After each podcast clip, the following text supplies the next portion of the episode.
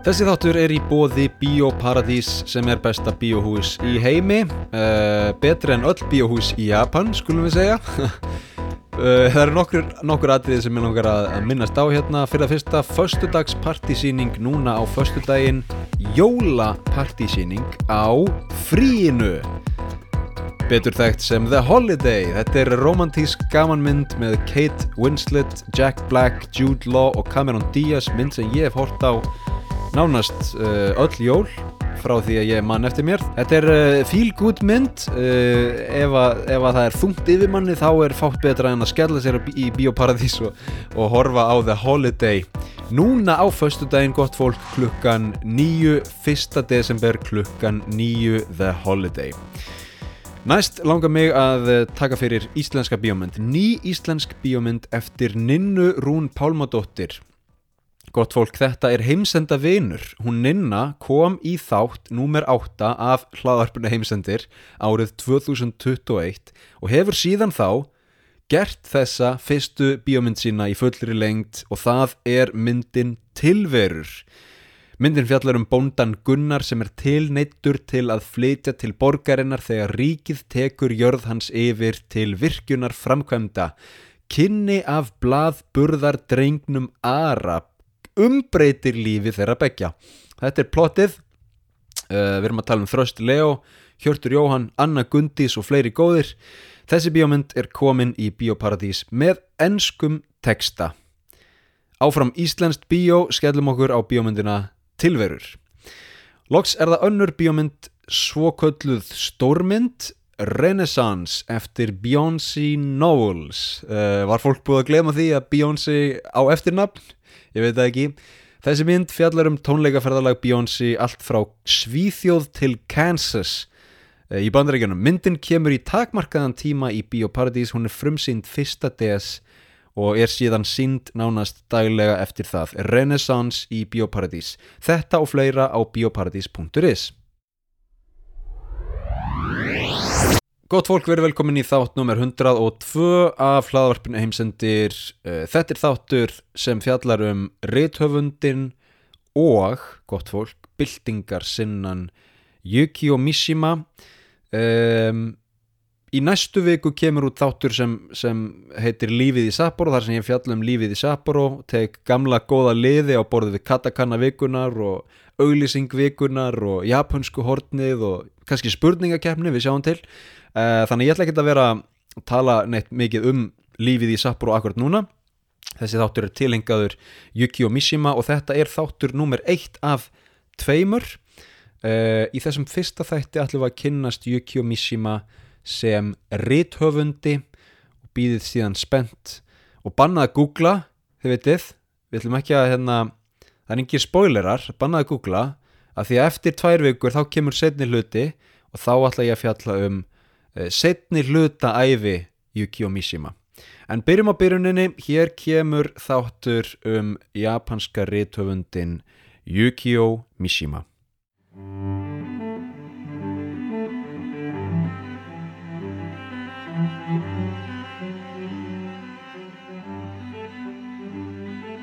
Tókjó er stærsta borg heims, það vita það flestir.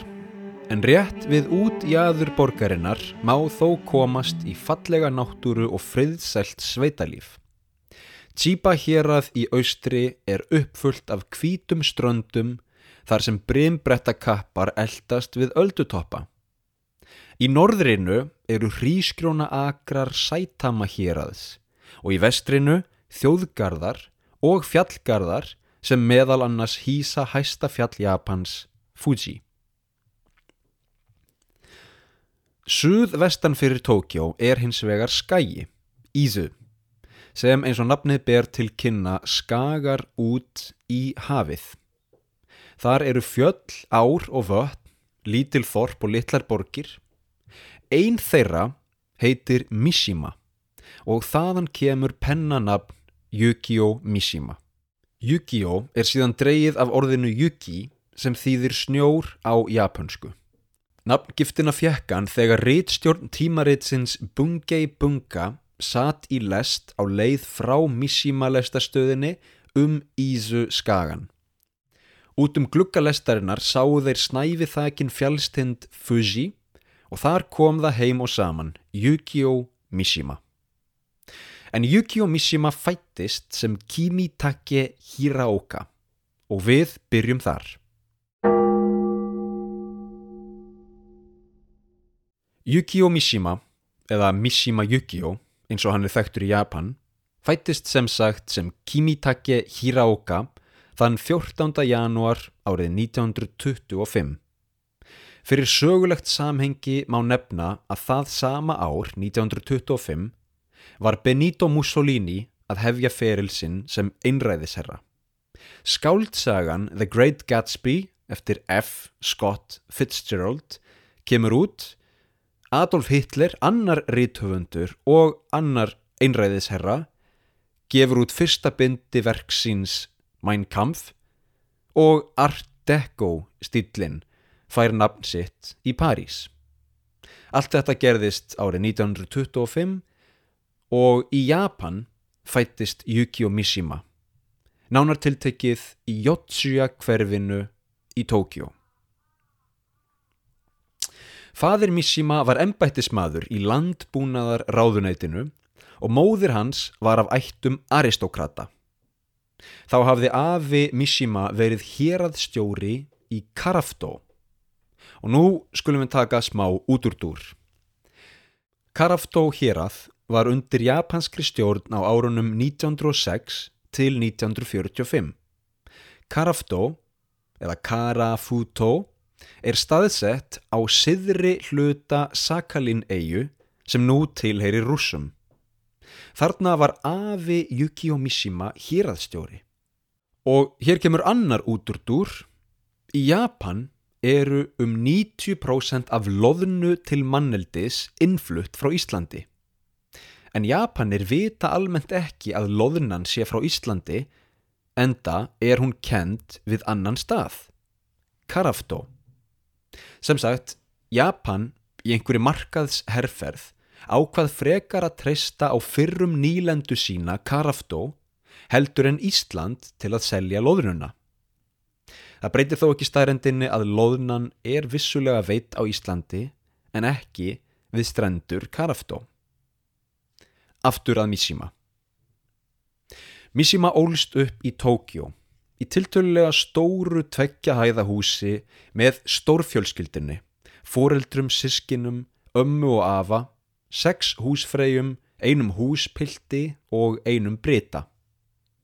Fyrsta hæð húsins var undirlögð áhyggjum frá Ava en hann var skuldugur upp fyrir haus og kaust því að halda fyrstu hæðinni látlausri, án allra húsgagna. Mishima sjálfur var hins vegar að mestuleiti í umsjá ömmu sinnar, Natsuko, sem var komin af höfðinglegum ættum. Afi hennar hafiði verið lénsherra, daimjó, í Mito í Ibaraki héradi. Mishima var því komin af stórmennum, þar á meðal Tokugawa Ieyasu, manninum sem sameinaði Japan og varð fyrsti sjógun landsins árið 1603. Sem sagt, stór stífvél fyrir lítinn strák. Hér er að einhverju leiti komin til sögunar kokteillin sem skapar þann Yukio Mishima sem við þekkjum í dag. Afi af kaupmannsættum sem skapaði sitt eigið ríkidæmi og misti það síðan í skuldasúpu og amma af aristokratættum upptekinn við að ríghalda í gamlar hefðir og heiður fjölskyldunar. Hún ávist að hafa bannað ungum Mishima að fara út að leika og haldið honum þessi stað inni meðal ungra frænka hans í dúkuleik. En í inniverunni fekk hann líka áhuga á skrifum og hóf ungur að skrifa upp sögur og hugmyndir. Þegar hann var 13 ára fekk Mishima að fara með ömmu sinni á kabuki leikrit, eins konar stíliseraðan hefbundin japanskan söngleik og fekk strax áhuga á formi leikritsins. En í bland við skrifin og sögurnar var pappi hans alltaf að óta að honum karlmannslegri eiginleikum innan gesalappa. Hættu nú að skrifa eins og stelpa og farðu út að leika þér með strákonum. Fadir Mishima vildi heraga í stað mygtar. Mishima helt þó áfram að skrifa og gaf út þó nokkur ljóð í bókmentatímariti skólans þar sem hann var nefandi. Þetta var Pierce skólinn í Tókjó, sérstakur skóli fyrir afkomendur keisarans og japanskan aðal. Og við 16 ára aldur gaf hann út smásögu sem bar titilinn Hanazakari no Mori eða Skógur í blóma. Smásagan vakti aðtikli sérstaklega fyrir samlíkingar og myndkverfingar, hárnákvæmar og innblásnar tilfinningu sem fólk tengdi strax við. Svo mikla aðtikli vakti smásagan að annað tímaritt, Bungei Bunka, taldi sig hafa uppgötvað snilling og prentaði söguna í næstu útgáfu blaðsins. Meðlimir rítstjórnar bunga voru einmitt ábyrðar menn nafngiftarinnar Yukio Mishima eins og kom fram í byrjun.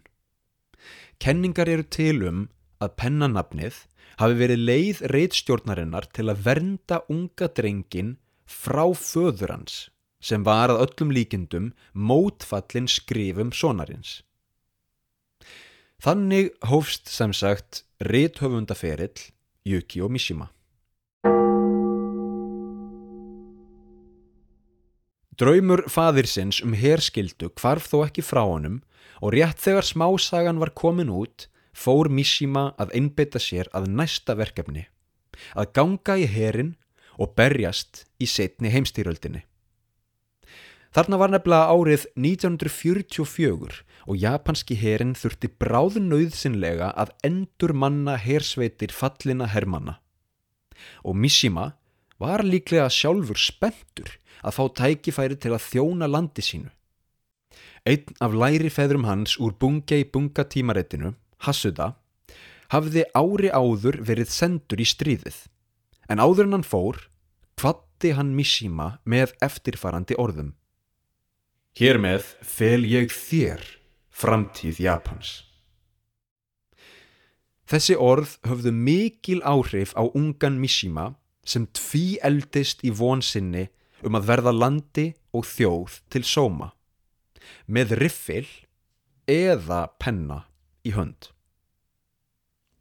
Mishima kláraði mentaskólan í Pierce sama ár 1944 og fór beint í intökupróf í herin. Fyrst líkamlegt próf. Þar fekk hann annars flokks engun. Líkamlegu ástandi var ábútafant. Og stuttu síðar Í februar 1945 fjallan á heilbriðis skoðun þar sem læknir greindi hann, reynda ránglega, með bergla. Nokkrum mánuðum síðar var stríðinu tapað og eftir stóð Sár Mishima án þess að hafa fengið tækifæri til að berjast. Þarna er talið að fræ hafi verið sáð.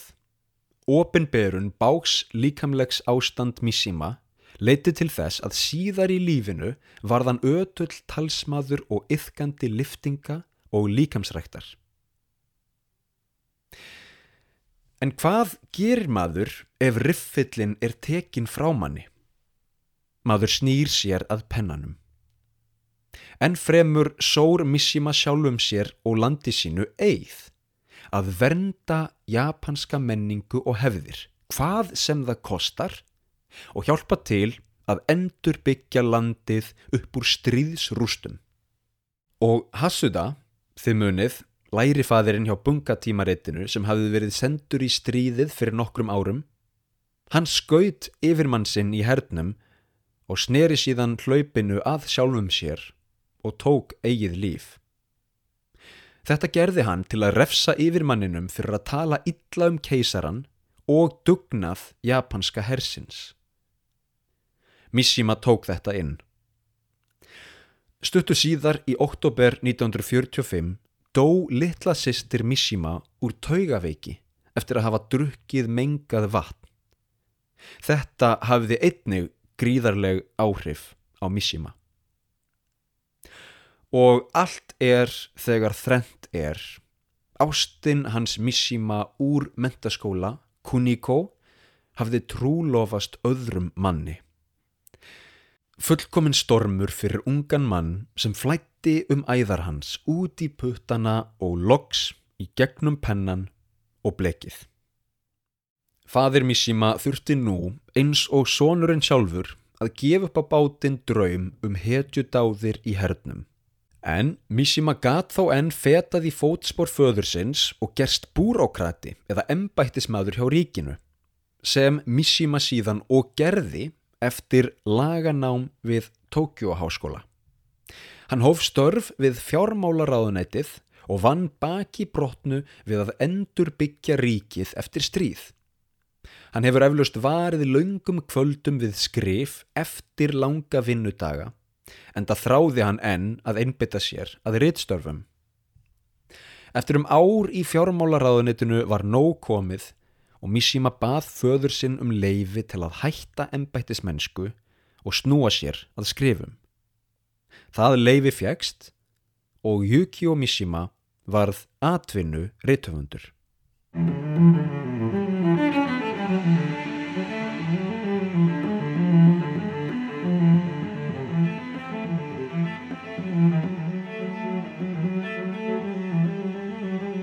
Japan eftir stríðið var öðruvísi Japan.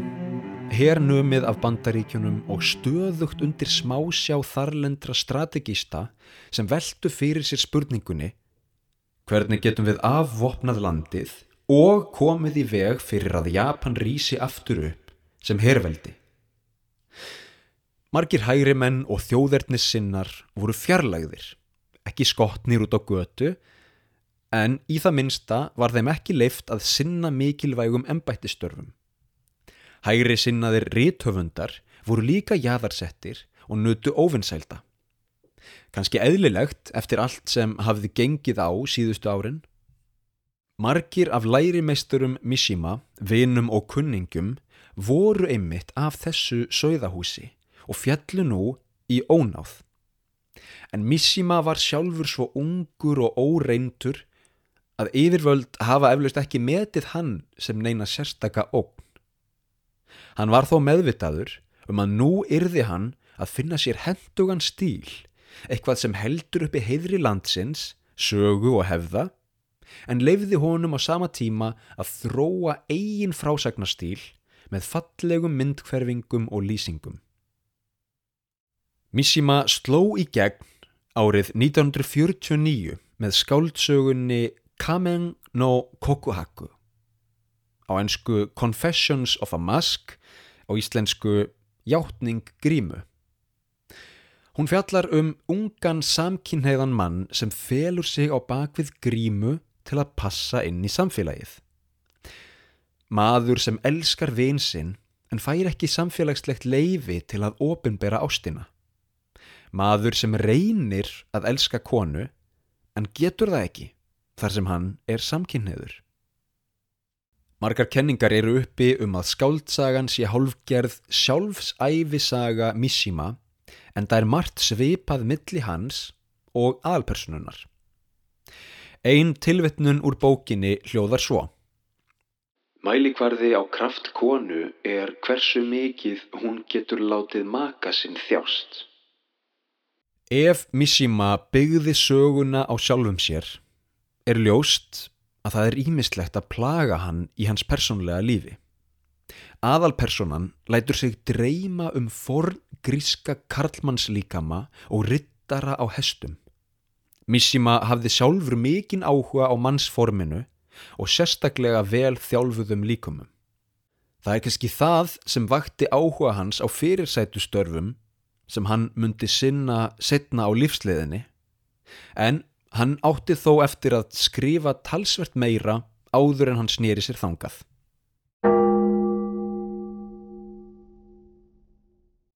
Árið 1952 var Yukio Mishima orðin stjarnar í Japan. Skáldsagan, Játning Grímu, hafði selst vel og fært honum fjármagn til að ferðast um heiminn. Hann let gamlan draum rætast um að sækja Gríkland heim og varði tímanum þar í að skrifa aðra skáldsögu. Sjóþæ á ennsku The Sound of Waves og íslensku Hljóðalda. Smá fyrirværi hér, íslensku þýðingarnar, íslensku nöfnin eru komin frá mér sjálfum. Ég fann engar ofinberan þýðingar á þessum nöfnum, á þessum titlum, þannig að ég þýtti þær bara sjálfur. Sem sagt, önnur skáldsaga, Sjósæ Hljóðalda. Þar lýsir hann lífi á lítilli eigu í Japan þar sem gamlar hefðir eru enn í hávegum hafðar. Líklega einhvers konar nostalgíu sín á Japan fyrir hernám bandaríkjana. Aðalpersona sögunar, ungur sjómaður, verður ástfangin af kvenkins perlukafara en þarf fljótt að berjast fyrir ástinni í hafsjó öfundar og ofbeldis. Skáldsagan varð vinsæl og seldist vel en nýtilfundnar vinstri hreyfingar í Japan voru þó fljótar að gaggrina söguna sem upphafningu á gamaldags hugsunarhætti. Hugsunarhætti sem eflaust varð til þess að Japan hervætist til að byrja með. Sumir gengur svo langt að kalla Mishima fasista. En gaggrinnisrattir munu alltaf heyrast og Mishima hjælt bara áfram að skrifa. Það er eina leiðin eins og hann sagði sjálfur. Fyrir mér er engin önnur leið til lífs en að skrifa eina línu enn. Svo eina línu enn. 1956 kom út önnur skáldsaga þó byggð á sönnum atburðum Kinkakuji á ennsku The Temple of the Golden Pavilion á íslensku Gullna hofið sem fjallar um andlega veikan buddískan munk sem brennir sögufræga Kinkakuji hofið í Kyoto. Ég hef ekki lesið bókina en mér skilst að hún sé síkológisk Það er að segja að hún kafi djúft í innra sálarlíf aðalpersonunar og skoði þær tilfinningar og hugsanir sem þar dvelja. Ungur maður sem fremur glæp. Sem slík minnir sagan á uppáhald skáldsöguna mína, Glæpur og refsing, eftir Dostojevski. Eftirfarandi tilvitnun úr bókinni, lauslega þýtt af mér, málar skýrt upp þessi líkindi bókarinnar Kinkakuji annarsvegar við glæp og refsingu hinsvegar. Ég gekk fram og tilbaka fyrir utan Nishijin lauruglustöðina. Það var kvöld en ljós skein út um nokkra glugga. Ég tók eftir rannsóknarlauruglumanni flýta sér inn í stöðina. Hann var klættur í opna skýrtu og hjælt á skjálatösku. Engin tók eftir mér. Engin hefur tekið eftir mér síðast liðin 20 ár og eins og staðan er núna mun það halda áfram. Eins og staðan er núna er ég enn ómerkilegur maður. Í þessu landi sem heitir Japan eru miljónir manna, týjir miljónir manna faldir út í hodni án þess að vekja nokkra aðtekli.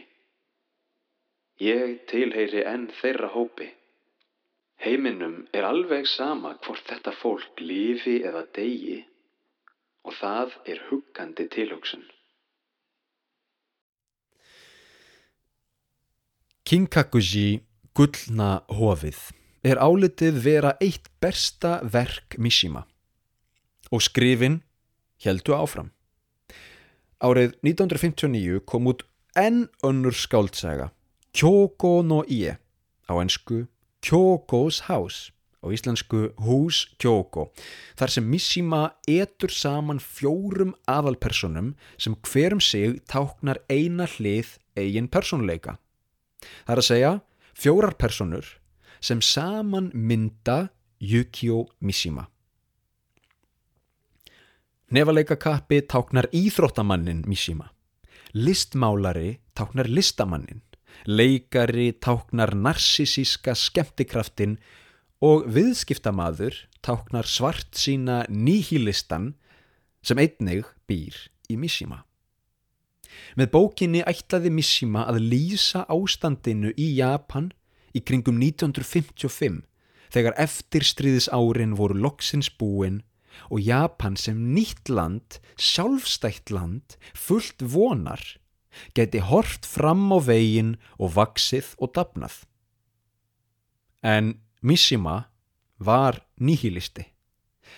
Hann trúði ekki á þetta nýja land. Hún fannst nýja Japan vera að svíkja gamlar hefðir og söguna sem gerði Japan stórkostlegt til að byrja með. Það var á þessu augnableiki sem skrif Mishima fóru að taka á sig pólitískari mynd.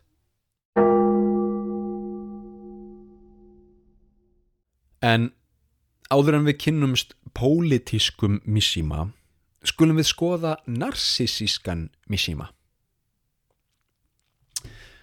Árið 1955 hóf Yukio Mishima feril sinn í liftingum. Ekki endilega sem atvinnumadur, en hann var einhvað síður duglegur að taka í lóðin. Hann æfði líka bardagalistir, boks, karate og kendo. Mishima satt fyrir á svartkvítum myndum ímissæ ljósmyndara í Japan, stundum nakin, stundum með niklaða vöðva.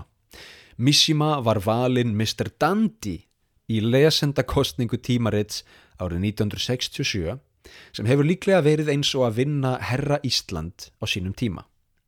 Milli 1960 og 1970 leik Yukio Mishima síðan í fjórum kvikmyndum ásamt því að skrifa og leikstýra. Yukio Mishima var aðeins 155 cm á hæð. Reyndar eru aðrar heimildir sem segja 160 163, 165 cm. Það eru skipta skoðanir um hversu hávaksin hann var en í öllu falli var hann nokkuð lágvaksin og hann var lengst til nokkuð nettur líkamlega. Það má því velta því fyrir sér hvort áhugin á liftingum og fallegum líkumum, sérstaklega karlkins líkumum, komi frá eigin þrá um að búa yfir slíkri fegurð. Mishima var tíður gestur á börum samkynneigðra, hommabörum í Tókjó. Hann átti konu, Yoko og tvö börn og þessar heimsóknir fóru víst í taugarnar á Yoko. Kanski eililega. En Mishima kom samt aldrei út úr skápnum sem samkynneigður maður. Hvort hann var slíkur eða ekki skiptir svo sem ekki máli nema bara til að sína hvað Japan var og er enn erfitt umhverfi fyrir hins einn fólk. Árið 1968 gaf Mishima út rittgerðina Taiyo to Tetsu á ennsku Sun and Steel á íslensku Sól og Stál sem gangrínir hugmyndina að hugurinn sem mikilvægari en líkaminn mind over matter, mind over body. Mishima talar um mikilvægi gjörða að rinda einhver í verk í stað þess að tala um það eða tala í kringum það. Hann talar líka beinlínis um mikilvægi þess að fá sól og lifta lóðum, sun and steel, sól og stál. Fólk fer út, bertað ofan og liftir þungum lóðum. Við munum að Mishima komst ekki í herin. Hann varð að yfirgefa sverðið og snúa sér að pennanum. En setna á lífsleðinni fer hann að snúa sér tilbaka. Hann sér að pennin er ekki nóg. Það er ekki nóg að skrifa góðar bækur til að bjarga Japan frá glötun. Hann þarf að láta verkin tala. Hér fæðist byltingarsinnin Yukio Mishima sem átti aðeins nokkur ár eftir ólefað. Í næsta þætti, eftir tvær vikur reyndar, skoðum við hans frægasta ritverk, fjórleikin Hojo no Umi, á einsku The Sea of Fertility, á íslensku Sjór frjóseminnar sem gerist á tímabilinu 1912 til 1975 í Japan.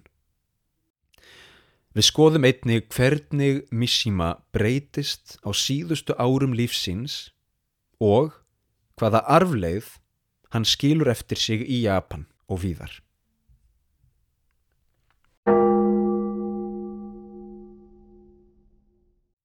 Takk fyrir að hlusta og takk Bíóparadís fyrir að bjóða upp á þennan þátt.